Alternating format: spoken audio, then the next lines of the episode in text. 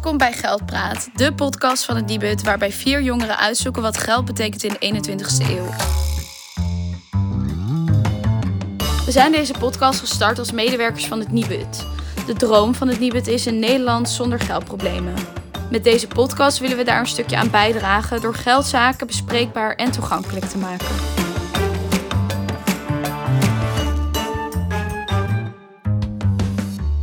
Welkom bij Geldpraat. In deze aflevering hebben we het over geld en relaties en we spreken met Karen Radstaak. We hebben het over hoe je omgaat met inkomensverschillen in je vriendengroep, waar de meeste geldruzies over gaan en hoe je geld beter bespreekbaar maakt. Veel plezier met luisteren. Nou, welkom bij Geldpraat. We praten vandaag met Karin en Karin is onze collega van het Nibud. Karin, zou jij even willen voorstellen? Ja, hallo, ik ben Karin Radstaak. Ik werk bij het Nibud dus inderdaad als uh, woordvoerder. En dat betekent dat ik ja, het woord voer over allerlei onderwerpen die uh, voor het Nibud belangrijk zijn. We gaan het vandaag hebben over geld en relaties. En nu heb je natuurlijk vet veel verschillende relaties met je hè, partner of met je ouders of met je vrienden. En um, nou, er is ook dus een, eigenlijk een, met elke type relatie een andere manier van met geld omgaan en over geld praten. Um, niet altijd gaat dat perfect. Waar denk jij dat het meest te winnen is als we het hebben over uh, praten over geld? Ja, nou, als we het bij het Nibud over geld en relaties hebben, dan gaat het echt wel primair over. Uh, je gaat met iemand samenwonen of trouwen of wat dan ook. En hoe ga je dan samen die financiën regelen? Omdat het een onderwerp is. Uh, als je verliefd bent en alles is mooi en roze en zacht, dan wil je daar vooral vaak niet over geld praten. En, en dan is juist het moment om wel over geld te praten. En dat is waarom wij de aandacht aan besteden. En als je dan, zie je ook, dus in het onderzoek terug, dat mensen het meest ja, strubbelingen hebben over de uitgaven die de ander doet, sparen en bezuinigen. En ja, wat moet er dan bezuinigd worden, hoeveel en wie van de twee moet vooral dan bezuinigen. Oh ja, vanaf, vanaf welke date moet je gaan praten over geld? Goeie. Nou, op het moment dat je samen een huishouden wordt, want dan ga je ja. dingen delen. Dan ga je kosten delen en, uh, ja, en, en ook inkomsten waarschijnlijk. Ja. ja. Is er een soort ultieme vorm van hoe je het het beste zou kunnen inrichten? Als je gaat samenwonen, dat je zegt, nou ja, als je het zo inricht, dan doe je het eigenlijk het beste. Ja, die is er dus niet. Uh, in die zin, er, zijn een aantal, of er is een aantal manieren. En uh, wat we adviseren is dat mensen de manier kiezen die het beste bij ze past. Okay. Uh, wat we wel zien is dat de meeste mensen ervoor kiezen om alles op één hoop te gooien, op één rekening en daar alles van te doen. En dat is wel een manier waarvan wij zeggen, nou, denk daar nog eens goed over na. Want is dat wel eerlijk? Is het dan wel goed verdeeld? En voel je je daar prettig bij? Of doe je dat omdat je inderdaad te bang bent uh, hè, om het te bespreken of bespreekbaar te maken. Uh, omdat alles hè, leuk en verliefd en uh, we doen we delen alles samen, dus ook het geld. Terwijl dat later best wel tot frictie kan rijden, zeker als blijkt dat die ander bijvoorbeeld veel meer uitgeeft dan jij of andersom. dus er zijn verschillende manieren om dat te doen en dit is wel de manier waarvan wij zeggen, nou, denk daar nog eens goed over na. Want er zijn ook andere manieren dus. Wat dan een betere manier? Want alles op één hoop is dus niet top. Nee. Uh, nou, er zijn mensen die verdelen naar rato. Dus uh, uh, breng jij meer in dan je partner, dan betaal je ook meer aan die gezamenlijke uitgaven. Dan kan je echt kijken ja. naar ja, percentages. Dus als jij twee derde inbrengt en je partner een derde, dan is het, ja, vinden die mensen het eerlijker om ook dan twee derde van de uitgaven bij die ene te leggen en een derde bij die ander. Je kan ook het zo doen dat je allebei evenveel geld overhoudt. Dus dat je een deel van je inkomen in die gezamenlijke pot doet. Uh, en dan allebei evenveel overhoudt voor persoonlijke dingen. Een soort omgekeerde narrato. Ja, precies. Ja. ja. Je kan het ook echt strak door de helft doen. Uh, je zegt, nou ja, jij verdient wel minder of jij verdient wel meer, maar we doen het toch precies door de helft, want dat is het allereerlijkst. Het is een beetje ook waar mensen zich uh, het comfortabelst bij voelen. Ja. En daarnaast is het ja, denken wij wel dat het slim is om ook hè, je eigen uitgaven via je eigen rekening te laten lopen. Omdat je dan gewoon goed overzicht hebt in wat er gebeurt. Ja, dus als je een gezamenlijk huishouden hebt, dan maak je eigenlijk nog steeds onderscheid tussen gezamenlijke uitgaven en je eigen uitgaven. Ja, want stel dat jij een hobby hebt ja. waar die ander van zegt, nou ja, dat vind ik echt zonde van mijn geld. Ja, daar wil je niet aan meebetalen. Nee, dan kan je nee. dat van je eigen geld doen. ja, dan krijg je er ook geen gedonder over. Dus dat is ja. ook wel... Uh... Althans, de kans is kleiner dat je daar dan over het geld ruzie krijgt. Kan nog over andere dingen ruzie krijgen. Maar... Geldpraat op straat. Ik ging de straat op en ik vroeg... Heb je wel eens ruzie om geld? Nee, ik heb nog nooit ruzie gehad om geld. En dat komt denk ik omdat ik het, eh, ik vind het niet genoeg waard om, eh, om voor geld of dat het niet komt of dat het, eh, dat het weggaat om daar ruzie over te hebben. Daar hecht ik niet genoeg waarde aan. Ik heb niet zoveel ruzie over geld. Echt niet. En hoe komt dat denk je? Ik ben niet moeilijk, ik betaal wel. En wat was jouw laatste ruzie over geld? Uh, nou, met mijn moeder. Dat ik gewoon echt veel te veel geld aan kleding uitgeef. Op gewoon even snel hier een broodje haal, net zoals nu. En dat ik dan gewoon, ja, veel te veel geld uitgeef. Terwijl ik dat gewoon wel heel hard nodig heb. Ja, dat is dan meer met vrienden die dan... Uh, ja, ruzie, dat is geen ruzie, maar... Ik heb dan van die vrienden die dan een tikkie uh, sturen om uh, heel weinig. En andersom uh, ben, ben, ik iemand die denkt, nou ja, boeien, als ik een lekker biertje heb gedronken en de anderen vinden het ook prima, dan uh, ja, interesseert mij dat geld eigenlijk niet zoveel. Maar dat zijn dan van die mensen die dan 5 euro een tikje gaan sturen, weet je wel. Dat irriteert mij. Ja, kan je daar iets over vertellen? Weet je wat de meest voorkomende ruzies zijn over geld? Nou, het gaat toch wel over dat, dat, dat mensen van elkaar vinden dat ze niet, zo, niet met geld omgaan zoals het zou moeten. Dus um, hmm. um, te, tegelijkertijd zien we ook wel in dat de meeste mensen op elkaar lijken dus uh, dat, er, uh, de mensen die, uh, dat de meeste mensen die met elkaar zijn ook dezelfde manier hebben van met geld omgaan. En dat als er dus ruzie ontstaat, dat dat inderdaad is, gaat vaak over bezuinigen en sparen. En dat wil dus zeggen dat de een vindt dat er meer gespaard moet worden, de ander niet. De een vindt dat bezuinigd moet worden, de ander zegt hoezo. Of, en waarop gaan we dan bezuinigen? Dus daar, daar ontstaan, ontstaat het gedoe. Ja. En dan ook nog weer vaker bij mensen die geldzaken bijvoorbeeld lastig vinden. Of die hmm. moeite hebben met rondkomen. Of die uh, inderdaad uh, ja, achterstanden hebben. En dat, dat soort zaken. Hè, dan wordt het al gauw, uh, telt het op en is dat het grote punt. Want weet jij ook bijvoorbeeld als je het dan hebt over... er is dus een verschil tussen mensen die moeite hebben met geldzaken... en mensen die geen moeite hebben met geldzaken of minder. Is er bijvoorbeeld ook, weten we dat bij niemand of er een verschil is tussen jonge en oude mensen in de manier waarop ze in relaties omgaan met geld? Ja, we zien wel dat jongvolwassenen het alweer anders doen dan een paar uh, decennia geleden. Dus uh, waar eerder uh, natuurlijk ook minder vrouwen werkten dan mannen. Ehm, en, en dus het vaak ook bij een van de partners lag. Wie dan de geldzaken deed, was dan natuurlijk vaak dan weer de man. Ehm, is dat nu wel veel meer gelijk. En wordt er ook veel meer jongvolwassenen gaan ook veel meer het gesprek aan met elkaar. En, en, ja, en dat is iets anders wat wij heel belangrijk vinden, is dat je inderdaad zorgt dat je allebei goed op de hoogte bent van wat er speelt.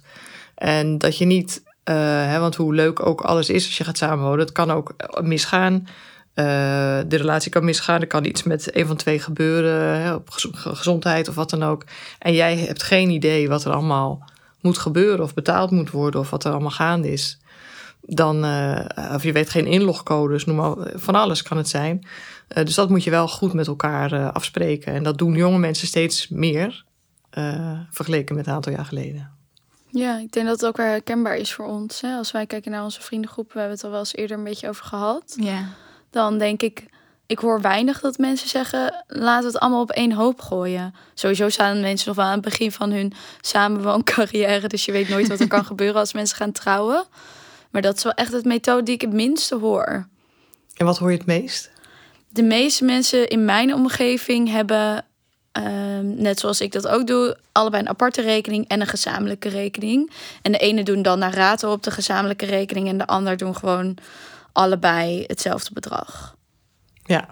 Dus ja. Ja, dus daar, dat gaat wel een beetje verschuiven. En dat, dat heeft natuurlijk heel veel te maken met het feit dat, dat mensen veel vaker uh, een, uh, allebei geld verdienen. En daar ook allebei iets mee uh, willen. En hmm. niet het zomaar aan de ander willen overgeven. Ja. Ja, ik denk ook wel dat het belangrijk is hoor, dat je er uh, goed over nadenkt. Ja, waar, stel je gaat samenwonen. Waar moet je heel erg op letten? Nou, dat je afspraken maakt met elkaar. Ja, dus het maakt niet eens echt uit welke afspraken, als je maar afspraken Ja, als het maar helder is. Zodat je niet hoeft af te vragen van uh, wat gebeurt er op die rekening. En ik zie dat de dingen worden afgeschreven. Wat is dat dan? En, uh, en, en, hoe, hoe, überhaupt, hoe ga je het doen? Ja. Uh, wat inderdaad, wat, is, wat vind je het eerlijkste en de prettigste manier? Ja. Dan vervolgens van, nou, als we dit gaan doen, dan is de volgende stap. Gaan we dan gaan we sparen voor dingen? Gaan we, wat, wat dan? En, dus je kan op al, over alle dingen kan je afspraken maken. Maar ook over van hoe regel je de ja, ga je samen uh, dingen aan als verzekeringen of wat dan ook? Of blijf je dat zelf doen? Of hè, zorgverzekering? Of nou ja, uh, ja, eigenlijk moet je alles gewoon de revue laten passeren wat er in jouw administratie voorkomt. Ja. En kijken hoe gaan we dat doen. Want uh, ja, je gaat niet alleen samenwonen. Samenwonen is natuurlijk voor de gezelligheid ook, maar het is ook een soort zakelijke. Hè, ja, zeker als je een huis gaat kopen of gaat trouwen, dan ga je gewoon echt een zakelijke overeenkomst staan met iemand. In Nannes Geldlab ga ik elke aflevering op zoek naar de wetenschap achter ons geld. Deze week geen dilemma, maar heb ik aan een stel gevraagd of ze de Nibud geld- en relatietest willen doen. Hiermee kan je zien of je een financiële match bent en het gesprek over geld aangaan. Nou, dus wij zijn dus 85% financiële match. Vind je dat dat uh, klopt? Op zich had ik dit wel een beetje verwacht, moet ik zeggen. Ja, ik denk dat we wel uh, redelijk goed op elkaar zijn ingespeeld, financieel. Zijn ook wel een tijdje samen, kennen elkaar een tijdje. Maar vanaf het begin is het nooit echt een groot probleem geweest, vind ik. Inderdaad, en we, ja, ik weet niet, nooit echt een probleem of discussiepunt. Ik denk wel dat de financiële match die voorgesteld is hier, dat die ook wel echt klopt. Dus het eerste is dat jij zuiniger bent dan ik. Ja. En dat is ook misschien omdat jij meer toekomstgericht bent ik doe niks aan, zeg maar, ik ken heel veel mensen die uh, heel veel aandelen hebben. Vooral ook dingen in bitcoin doen. Die heel snel hun geld uitgeven aan, um, aan dingen zoals dat. Ah. En ik zag dat eigenlijk meer als risico. Dus ik, Ja. mijn geld zit al heel lang heel safe. En ik verdien er niet heel veel rente op. Maar ik verlies het ook niet. Maar ik denk niet per se dat jij dat wel doet, bijvoorbeeld. Nee. Ehm, dus ik denk dat we daar misschien wel een beetje hetzelfde in zijn. Ja. Maar ik denk dat die eerste twee, toekomstgericht en zuiniger, jij kan heel goed geld sparen. Bent daar echt exceptioneel goed in. Ja, dat helpt wel echt met het idee van... oh, ik wil dit kopen of ik wil op deze Precies. vakantie. Dan, dan ik eh, heb- kan ik mezelf daar beter voor motiveren... dan als ik het gewoon in het algemeen doe, zeg Ja. maar. Ehm, want ik vond het zelf ook wel interessant om te zien... dat we dus werk en privé even belangrijk vinden. En misschien dat daar ook wel... Ik weet niet, ik denk dat we het allebei ook gewoon belangrijk vinden... om wel leuke dingen te doen en niet alleen maar niks, zeg maar. Ik ben het daar ook mee eens. Dat we niet alleen maar geld verdienen om het dan eh, te sparen en daar niks mee te doen. Maar dat we ook wel van leuke dingen doen houden. Ja, dan staat er dat we even moeilijk over geld praten. Dat vind ik zelf dan... Volgens mij praten we best wel makkelijk over geld allebei. Ja. Dus we hadden meer gewoon hetzelfde ingevuld. Ja, ik denk dat geld in mijn familie altijd een beetje taboe was. Om het daarover te hebben. Dus ik denk ook dat ik dat een beetje heb overgenomen in, mijn, in onze Ja. relatie. In het begin was dat zichtbaar, dat dat, dat dat speelde. Maar nu is dat volgens mij bijna geen probleem. En dan, dan is het dan meer over, zeg maar, s- studieschuld of zo, toch? Ja, ja. Dat dan meer. Nou, ik denk omdat jij bijvoorbeeld zuiniger en meer toekomstgericht bent. Ja. Zoals in het begin. Is dat, betekent dat ook dat jij uiteindelijk gewoon beter dit soort dingen regelt. En dat linkt ook wel in met het volgende punt. Dat jij makkelijker in discussie gaat dan ik. En ik denk dat dat ook wel... Voor jou is er gewoon nauwelijks een taboe op, op geld. En Ja, ik, heb dat nooit zo, ik vind het nooit zo moeilijk om het erover te hebben Nee. of zo. Omdat ik ook denk van, ja, er is hier niet echt iets om je voor te schamen. Ik denk wel dat ik, dat ik het vooral met studieschuld heb bijvoorbeeld. Omdat dat gewoon veel geld is. Ja, Maar ja, dat is in het zo. dagelijks leven, ja, of een, vertellen dat ik een leuk weekend heb gehad of zo. Ja. Eh, of lekker uit eten ben geweest, dat is ook totaal geen probleem Nee. natuurlijk. maar Dus, eh, studieschuld heb ik het ook wel een beetje. Niet dat ik dat moeilijk vind om over te hebben, maar dat vind ik wel gewoon. Het is, ja, ik heb ook wel veel studieschuld, want ik heb ook een hele dure studie gedaan. Ja. En het is niet iets waar ik inderdaad naar uitkijk om dat allemaal te gaan aflossen. Maar goed, dat zit voor mij dan toch nog een soort van in de toekomst. Ja. Dus dan maak ik me er ook niet echt druk om. Want dan denk ik, de tijd gaat vanzelf wel komen dat ik daar op een gegeven moment wel afbetalingen aan moet doen. Ja. Maar die zullen ook wel weer, dat zal zichzelf ook wel weer oplossen of zo. Ik ja, weet dat niet. is waar. Dat is waar. Dus eh, ah, dat.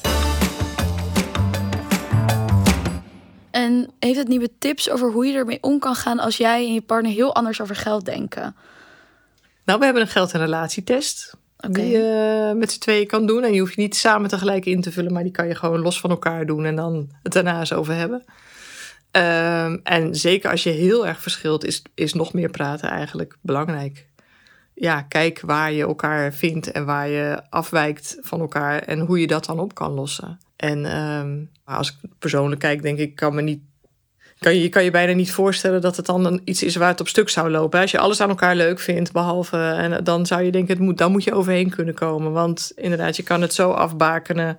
Hè, dat je inderdaad eh, genoeg geld voor jezelf overhoudt. Dat die ander kan doen wat hij wil als je het daar niet mee eens bent of wat dan ook. Ja.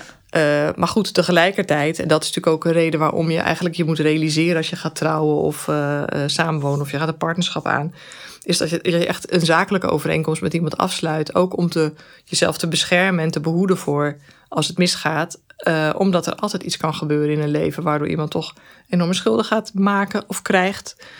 Ja, dat er dingen financieel mis kunnen gaan waardoor jij mee de boot in gaat. Zorg dat je goed van elkaar weet hoe het zit en wat je van plan bent. En als je dus inderdaad. Kijk, vroeger trouwde je bijvoorbeeld een gemeenschap van goederen. Ja. Nou, dat is gelukkig voorbij. He, want dan kreeg je ook alles erbij van die ander. En als je dat niet wilde, moest je op huwelijkse voorwaarden. En nu is er een soort gulden middenweg. Dat je alles wat je geloof ik hebt op het moment dat je gaat trouwen blijft van jou. He, dus ook schulden.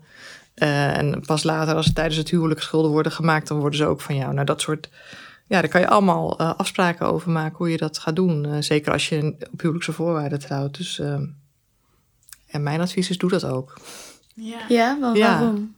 ja, er zijn zoveel voorbeelden van mensen die inderdaad samen uh, dan een bedrijf hebben of wat dan ook. En dan gaat het mis, of de relatie gaat mis, of het bedrijf gaat mis. Uh, het leidt altijd tot eigenlijk soms, denk ik, onnodig achteraf heel veel gedoe. Als je het van tevoren regelt, hoe vervelend het ook is als je verliefd bent, misschien om te zeggen: Ja, uh, ik wil gewoon mijn spaargeld is mijn spaargeld, sorry, heb jij niks mee te maken. Of als ik een erfenis krijg, of wat dan ook, ja, die blijft van mij. Ja. Um, je kan altijd later nog zien of je toch daar samen iets uh, moois van gaat kopen of wat dan ook. Maar ja, uh, één op de drie, huw drie huwelijken strand. Ja, ja je moet eigenlijk je scheiding veel. al regelen voordat je getrouwd bent. nou, ik denk niet dat je ervan uit moet gaan dat iets 60 jaar lang goed blijft gaan. Hmm. Want dat weten we inmiddels wel, dat die kansen best wel klein zijn uh, vergeleken met vroeger. En zelfs toen ging het ook niet altijd goed, alleen toen kon je minder makkelijk uit elkaar. Ja, Maar, en je eh, wordt dan ook natuurlijk overspoeld door emoties. Dus misschien is het dan juist goed als je praktische zaken weet waar je dan aan toe bent. Ja, en dat je daar niet voor komt te staan op het moment dat je uit elkaar Ja. gaat. Want dan ben je eigenlijk al een beetje te laat. Of dan kan je te laat zijn. Zeker als het een eh, hele nare, vervelende uit elkaar gaan is. Dan, eh, Ja. Dit heeft hier wel mee te maken. Ehm, want hè, je hebt een partner, je kunt kinderen krijgen. Ehm, ik heb soms wel hè, eh, thuis wel eens besproken van... Wat, wat zouden wij dan doen? Nou, we verdienen ongeveer evenveel, we werken ook ongeveer evenveel. Dat lijkt me fantastisch als we dat gewoon eh, door blijven doen. Maar stel, mijn vriend wil opeens veel meer gaan werken... Nou, dan is hij minder thuis. Misschien ga ik dan per ongeluk wel minder werken. Dat, eh, heb je daar ook tips voor? Of hoe compenseer je daarvoor? Of hoe denk je hierover na? Ja, ehm, ik weet wel dat bijvoorbeeld, ehm, eh, ja, ik weet niet of het nog steeds eigenlijk zo is, maar ik weet wel uit verhalen, eerdere verhalen, dat als bijvoorbeeld vrouwen vroeger hun carrière opgaven hè, voor een Ja. man en dan thuis bleven voor de kinderen zorgden en die man die kon zich helemaal ontwikkelen en opbloeien, financieel en alles. Ja. Op het moment dat bijvoorbeeld dan bij een scheiding, alsnog een deel van het pensioen bijvoorbeeld, eh, ook al waren ze al heel lang uit elkaar of wat dan ook, dan was dat nog steeds een soort van ja, die vrouw heeft ook zeg maar hè, meegewerkt in die zin. Dus heeft dan ook recht op een aantal dingen. Ehm, Maar aan de andere kant, zij heeft niet die saaie 9 tot 5 baan gehad. Voor al die nee, tijd. het hele turbulente 24-7 Oh ja, baan is dat. Ja, ja je doet expres, je het is een beslissing die je samen doet. Zij Ja. kan niet haar, zichzelf ontplooien. We gaan nu dan even uit van de, van die man-vrouw. Standaard, ja. Zij kan Gewoon zich dan niet ontplooien op het gebied van werk. Ja. Ehm, en hij wel, er wordt ruimte voor gemaakt. Dus dan moet dat inderdaad toch op een manier worden gecompenseerd. Ja, alleen wat jammer is, is dat. eh, of ja, dat, dat is ook een verschil natuurlijk. Hè. Gaat het je om de geestelijke, gaat het om echt om je inhoudelijke ontplooiing? Of gaat het over hoe ga je nou handig kijken waar je het makkelijkst en het best van kan leven samen? Ja. En ehm, daar heeft het niet een hele mooie tool voor. Eh, de werkzorgberekenaar. We hebben heel vaak gaan stellen ervan uit van nou, eh, de een blijft vijf dagen werken, de ander gaat minder werken, want dan heb je maar een paar dagen opvang nodig. En terwijl ehm, als je gaat kijken van wat, wat er blijft er nou onderaan de streep over... eh, als je misschien allebei vier dagen gaat werken... dan zou het wel eens veel interessanter kunnen zijn. En dat laat die tool heel goed zien. Want het gaat dan ook natuurlijk over kinderopvangtoeslag die je erbij krijgt. Het is natuurlijk niet alleen een financiële keuze. Het is ook heel vaak dat mensen zeggen... ja, maar ik wil niet dat mijn kinderen eh, zoveel dagen in de week naar de opvang gaan... of ik wil eh, ja, ik wilde gewoon veel meer van ze meemaken of wat dan ook. Maar dat, ja, dan nog kan je gaan kijken, ja, hebben daar niet beide ouders dan bijvoorbeeld eh, behoefte aan of recht op? En eh, wat zijn de mogelijkheden? En ja, en, en in heel veel gevallen is het ook voor heel veel mensen heel belangrijk om wel goed te weten, is dat financiële deel wel van doorslaggevende eh, betekenis? Nou, dat kan je met die tool heel goed zien. Ja, precies. En dan wordt het in plaats van een standaard iets wat je, waarvan je denkt: oké, jij verdient het minst, dus jij gaat minder werken. Ja. En dan wordt het echt een gesprek. En dat je er echt samen naar gaat kijken: hoe pakken we dat aan? Ja. ja, en dan moet je ook nog, en dat is natuurlijk dat die omslag is denk ik ook wel gaande, maar die gaat niet altijd even snel. Is dat aan de kant van de werkgevers natuurlijk ook. eh, hè, die moet ook zeggen: ja, prima dat jij vier dagen gaat werken, carrière, man of vrouw. Eh, we kunnen jou wel een dagje missen. Dat is natuurlijk ook best wel lang. eh, hebben die ook een, op de rem gestaan voor dat soort dingen. Terwijl hè, vroeger was 40 uur standaard. En dat, tegenwoordig is het al 36 uur. En nou ja, wie weet hè, wordt dat ook beter. Dat kan natuurlijk ook lastig zijn om dat aan te gaan. Ja. Maar ook daarin ja, hoop ik dat het een beetje gaat veranderen ook. Ja, misschien moeten we nu even naar een ander soort relatie gaan. Van een liefdesrelatie. Bijvoorbeeld hè? een relatie die je hebt met je ouders. Ja, want je ouders die eh, hebben je natuurlijk vroeger eh, heel veel geld gegeven, eigenlijk. En misschien, misschien krijg je nog steeds geld van je ouders. Dat is eigenlijk wel een soort rare, rare... Tenminste, ik vind dat altijd een beetje ongemakkelijk. Hoe praat je met je ouders over geld? Ja, het ligt eraan over wat voor onderwerp, eh, wel, welk onderdeel van het geld gaat het dan over waar jij je geld aan uitgeeft? Of waar, ja, ook vaak waarschijnlijk. Maar ehm, Nou ja, de huizenmarkt is nu bijvoorbeeld heel erg eh, moeilijk. En dan, nou ja, eh, een jubeltonnetje. Zou best helpen. Hoe krijg je die los? nee, geintje, maar, maar zoiets. Ehm, ja, kijk, ik, ik denk altijd eh, open zijn. Ja. Het voorleggen. En eh, kijk, eh, ik weet niet of er heel veel kinderen zijn die precies weten wat hun ouders op de bank hebben staan. Of wat voor plannen ze nog hebben, of wat dan ook. Ehm, maar het helpt denk ik altijd als je het aan elkaar uitlegt en vertelt eh, waar je mee zit of wat er mogelijkheden zijn. Ja. En ehm, natuurlijk is het heel fijn als ouders uit zichzelf misschien eh, jou willen helpen met eh, wat het dan ook is. Maar als je hulp nodig hebt, nou ja, goed. En als je zorgen hebt of wat dan ook, want het kan over een huis gaan, maar ook gaan over dat je misschien wat krap zit of wat dan ook, omdat je minder werk hebt of nou, noem maar op. Dan ja, praat erover. Overigens is het wel leuk wat je zei, want er, is, ehm, er zijn wel economen die hebben uitgerekend wat je ongeveer kost hè, totdat je het huis uitgaat. Ja. Ja, dat is best een, ik weet niet meer of het nou in guldens of euro's was, maar het was rond een ton. Dus eh, inderdaad, je ouders investeren een heleboel geld. Best veel. dat is best veel. Dankjewel. Maar het is wel grappig wat je zegt. Als je, wat je net zei, dat triggerde me even. Dat je zei van. Eigenlijk weten heel veel mensen niet wat hun ouders op hun rekening hebben staan. Of hoeveel spaargeld ze hebben. En ik denk dat dat wel. Als ik nu kijk naar mijn relatie en de vrienden om me heen. Weet ik wel redelijk een beetje globaal wat iedereen verdient. En, en ook wel een beetje qua spaargeld. Daar hebben we het ook wel eens over, over beleggen. Maar van mijn ouders, geen idee. Dat, ik weet niet of dat dan een generatieding is of dat het. Waarom is dat? Heb jij die ervaring ook dat dat een beetje een soort van. Het voelt bijna een beetje iets mysterieus of zo. En daarom durf Ja. ik, weet ik ook niet wat ik kan vragen als, als kind. Van ja, ik wil niet bij hun aankloppen van hey, ik wil een eh, huis kopen, kan je meebetalen? En als hij denkt van nou, ik heb. eh, Ik kan wel 25 euro kwijt. ja, ik, eh, dat is, daar heb ik echt geen financiële ruimte voor. Ja, ik weet niet of het, of het, het is ja, misschien wel heel erg toch privé of zo. En ik weet met jongere kinderen, eh, en mijn kinderen vragen ook wel eens, wat verdien jij dan? En dan zeg ik, ja, dat zeg ik niet. Maar dat is ook omdat het besef eh, van wat je, eh, die rekenen dan meer in hoeveel Playstations je van dat salaris zou kunnen kopen. en die zien niet zo heel snel nog wat je er allemaal verder van moest betalen. Tenminste, zo was het een aantal jaar geleden. Dus dat komt denk ik wel met het moment dat ze meer economie krijgen op school en dat soort zaken. Of dat ze zelf gaan werken. Eh, ik denk wel dat het goed kan zijn als ouders dat wel delen ja, met Ja. hun kinderen. Te zeggen van nou ja, eh, ongevraagd misschien ook. Van nou, voor het geval jij denkt dat wij ook zo'n jubelton voor jou hebben, dan kan ik jij meteen uit de droom helpen. Dat hebben we niet. Of, eh, maar we hebben namelijk wel zo en zoveel, maar wij willen graag nog over tien jaar. Nou, weet ik veel. Ja, dus dat het meer ja. gesprek echt is, ja. Ja, dan weet je ook meer hoe, van elkaar waar je staat misschien. En, eh, Het is inderdaad, we hebben het wel eens over geld, maar nooit. We spraken met een collega en toen hadden we het dus ook over het kopen of huren van een huis. En hij had ook zoiets aan, bespreek het eens. Maar ik merk toch dat ik het best lastig vind om dat gesprek aan te gaan, omdat ik wil niks verwachten en ik vind het ook een beetje ongemakkelijk. Dan denk ik, ja, ga ik dat nou aan mijn ouders vragen? Ik ben toch financieel zelfstandig? Ik vraag toch niks meer aan ze? Maar dat komt ook omdat ik geen idee heb. Als ik weet dat zij eh, een paar ton op de bank hebben, ga ik uit van niet. Maar als ik dat zou weten, dan zou het denk ik al veel makkelijker zijn. Of als er wat meer open over wordt gesproken.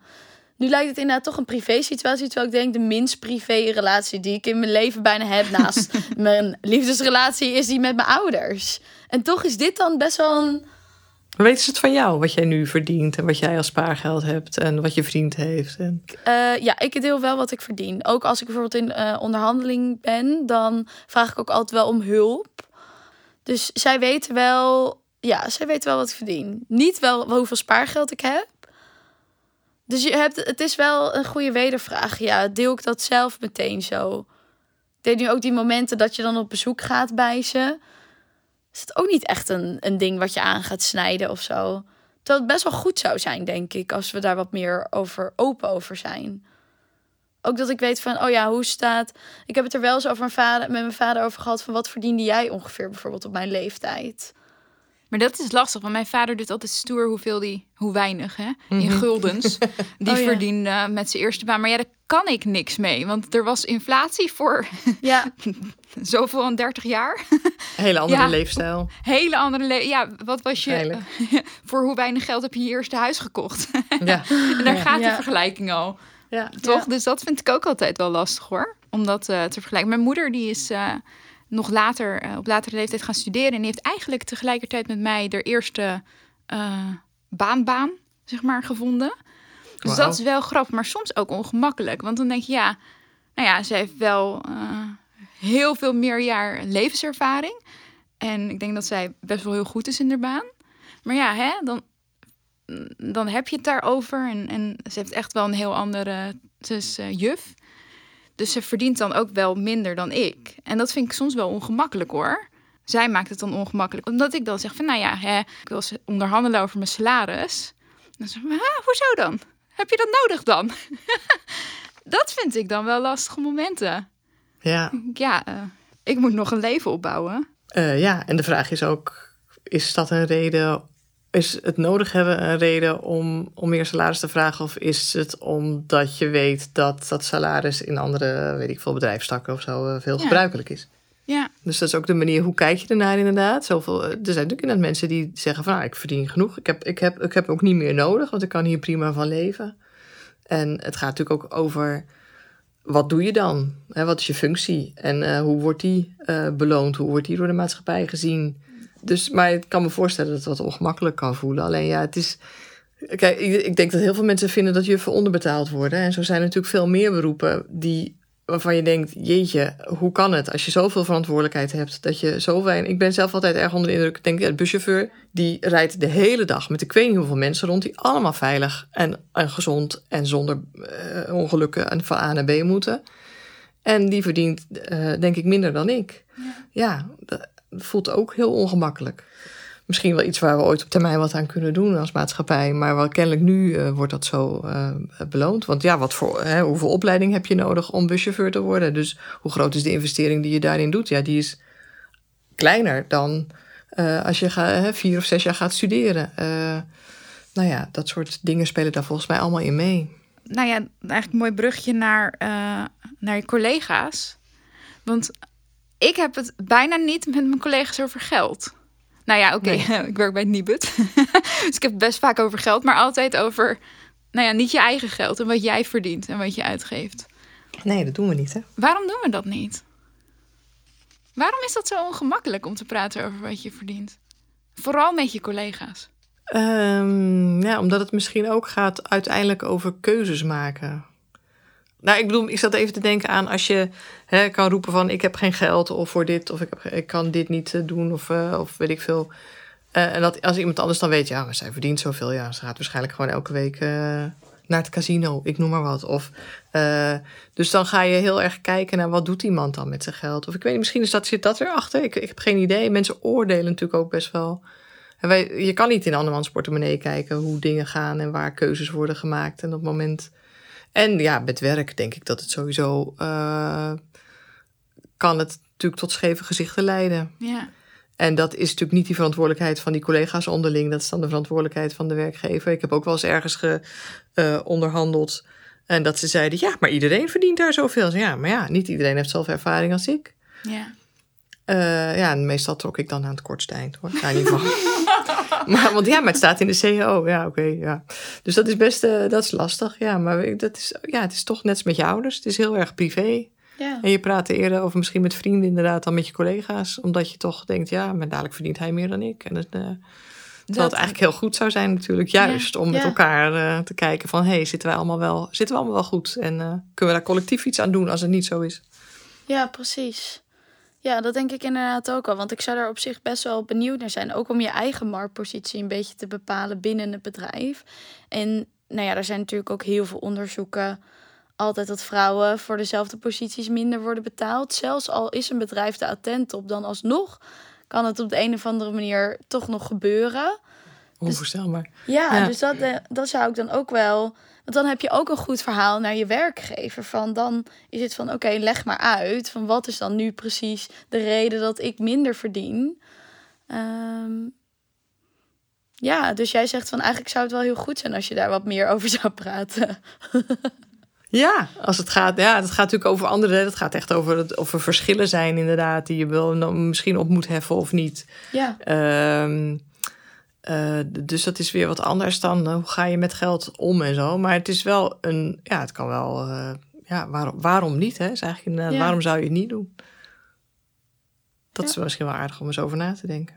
Ja, en ik denk inderdaad, met vrienden praat je er toch makkelijk over. Omdat je dan denkt, oh joh, die werkt bij Defensie, die werkt bij een verzekeraar. Dan kan ik dat verschil nog wel verklaren voor mezelf. Dan denk ik, oh, dat is een hele andere tak. Dan is het logisch dat ik wat minder verdien. Maar als je dan met collega's onderling praat en iemand verdient 300 euro meer dan jij. En je bent dezelfde leeftijd en ongeveer dezelfde werkervaring. Dan voelt dat toch, ik denk dat het he- te, misschien te confronterend of zoiets is. Ja.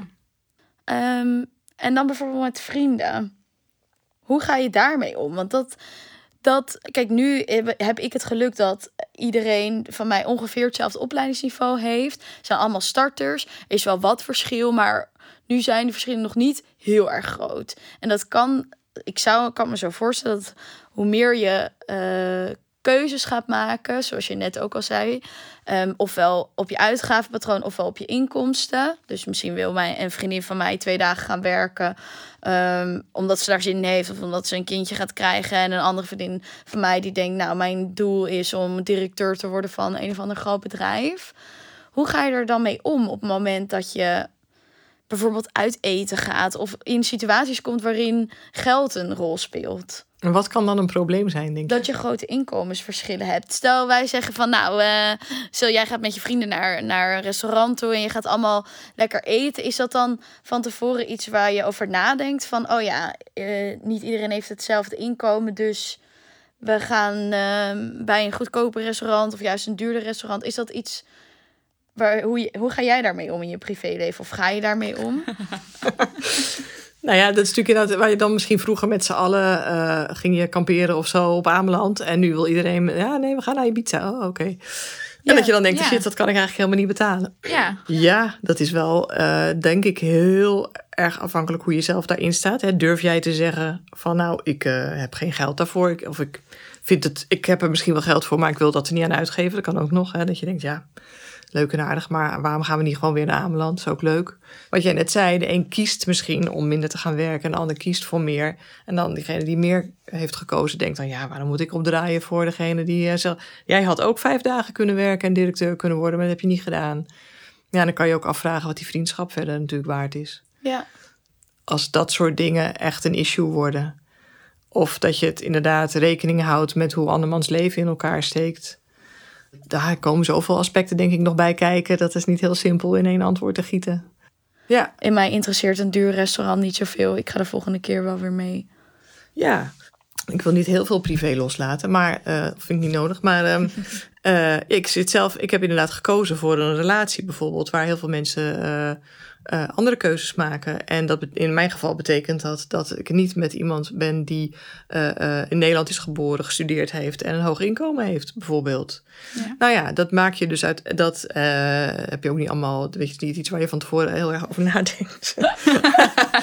maar dat betekent wel dat wij ja, andere, en de andere keuzes soms maken dan andere mensen doen. En, en ja, ik sta daar ook helemaal achter. Dus ik vind dat ook prima. Ja. Uh, maar ja, soms denk je ook wel van, uh, ja, of dan gaan mensen heel makkelijk uh, dingen inderdaad vertellen die ze hebben gedaan, of waar ze heen zijn geweest of zo, of wat ze doen. En denk ja, dat doen wij dus nooit. Ja, of zo, ja. En dat hebben anderen niet altijd door. Dat is soms ook wel schattig, zeg maar. Dat mensen zijn zo in hun eigen financiële bubbel. Dan hebben ze helemaal niet in de gaten dat jij dat niet doet of niet kan betalen of weet ik veel wat.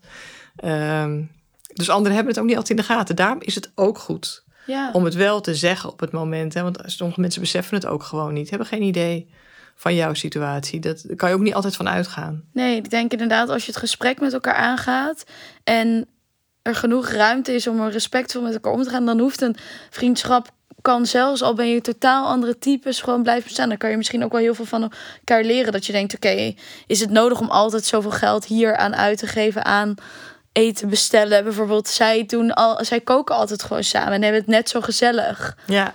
Dus dat vind ik ook wel iets leuks. Ik denk van vriendschap, als je dat zo in kan richten, dat het gesprek er echt kan zijn. In plaats van dat het dan is van wij passen niet bij elkaar. Of jij bent altijd gierig. Of jij smijt met geld over de bank. Dus jij past niet bij mij. Ja, het is mooi dat je dat voorbeeld geeft. Want dat zijn vaak die dingen waar die veranderen. Hè. Dus als je nog studeert, dan ga je gewoon bij elkaar eten. En dan zo goedkoop mogelijk vaak. Mhm. En dan ga je geld verdienen. En dan lijkt dat alsof dat ineens niet meer kan. Nee, dan moet je uit eten. Of dan weet ik veel, moet je iets gaan bestellen. Of hey, waar is het gebleven dat je gewoon. En dat is natuurlijk ook uh, wat we het afgelopen jaar hebben gezien met corona. Dat uh, de berichten over dat mensen zoveel hebben gespaard. Dat zijn ja, veelal de mensen die dat geld uitgaven aan uit eten gaan. Weekendjes weg, uh, uitjes, vakanties. En dat kon allemaal niet. En die houden geld over. Maar de mensen die dat toch al niet konden betalen, die houden er ook niet per se geld over. En um, uh, ja, dus daar zitten gewoon grote verschillen tussen. Heb je tenslotte nog tips om uh, beter te worden in praten over geld? Met je vrienden, met je ouders, met je partner? Ja, dat is een beetje de verbeterde wereld. Begin bij jezelf. Uh, ja, toch, ja, als jij iets wil veranderen of iets wil bespreekbaar wil maken, dan, dan zal je zelf moeten beginnen en dan kan je niet afwachten. Dus dat, ja, dat hangt een beetje van het onderwerp en de manier af waarop. Maar je kan natuurlijk rustig als, uh, als stel dat jij met iemand bent die, uh, die uh, jou eigenlijk wil ontzorgen en zegt: joh, ik doe al die administratie, daar hoef jij helemaal niet druk over te maken. Dat je toch zegt: ja, maar stel nou dat jij morgen onder de tram loopt, dan weet ik helemaal niks. Ik wil ook, dat vind ik belangrijk. En, en, ik wil, en ik wil ook niet dat jij dat allemaal in je eentje op je neemt. En nou ja, dat kan allerlei, je kan het op allerlei manieren aangeven. Maar dat zijn natuurlijk je kan in ieder geval die ander helpen om te laten zien waarom jij, waarom jij het belangrijk voor jou is om dat te weten. Ja, dus eigenlijk stap 1 is uh, hoe zie, weet hoe je eigen financiële situatie er eigenlijk uitziet. Sowieso. Ja, ja. ja. precies. En... Ja, en wees je bewust, denk ik ook, van wat geld betekent voor jezelf en voor je relatie. En durven. Ja, durven niet bang zijn. Want het is natuurlijk uiteindelijk helpt het gewoon ontzettend om dingen. Uh, ja, te, om te voorkomen dat er dingen misgaan en om dingen goed geregeld te krijgen en te houden. Ja. Wij gaan uh, morgen naar onze ouders vragen hoeveel ze op een rekening hebben staan. Ja. ja, nou ja. Ja, als ze kunnen, een zou beetje voorzichtig aan... in, zou ja, nee. nee, maar het is wel inderdaad goed om er zo over te praten, denk ik. Het is lastig, want je wil... Uh, uh, ja, je wil ook niemand het gevoel geven dat je natuurlijk komt bedelen of komt, uh, ja. de rekening komt uitkleden. En ik kan me ook voorstellen dat uh, veel ouders nu, net zoals er ook heel veel ouders zijn die zeggen: Ja, als mijn kinderen kinderen krijgen, ga ik, ik ben geen oppas, want ik heb zelf nog een baan en weet ik wat. Dus er zit Eh, mensen hebben vaak zelf nog allemaal plannen. En, of, of misschien. Dus het kan ook ja. gewoon zijn van dat je zegt, nou weet je, we zijn nu, we hebben, we zijn nu, kinderen zijn volwassen, we hebben allemaal een baan, we hebben een inkomen. We hebben het eigenlijk nooit daarover. Het is niet goed als we daar eens een keer met z'n allen gewoon het over hebben. Van wat, wat doen we met ons geld en waarom? En eh, heeft er iemand misschien een keer hulp nodig ergens bij? Weet je, dat je weet dat je bij elkaar terecht kan of wat dan ook. Dat je het op die manier. Ja, dus toch even iets, iets meer lager daaronder van dat je meer kijkt van oké, wat, wat wil iedereen in de toekomst? Ja. En kunnen we elkaar daarbij helpen? Of Kan niet? ook een insteek zijn. Ja, dat, dat komt is al wel licht mooi, sympathieker over. eh. Ja, ja, ja, ja. ja, precies. Ja. Nou, eh, Karin, hartstikke bedankt dat je er was. Ik vond het een heel leuk gesprek. Ik denk dat wij weer eh, genoeg food for thought hebben voor onze eigen relaties en het geld dat daarmee gemoeid is. En dan willen we je bedanken dat Graag je hier gedaan. was. Ja, was leuk. Bedankt voor het luisteren naar Geldpraat. Wil je meer weten over dit onderwerp? Ga dan naar nibud.nl slash podcast. We horen graag wat jullie ervan vinden, dus laat vooral een reactie of rating achter. Tot de volgende keer.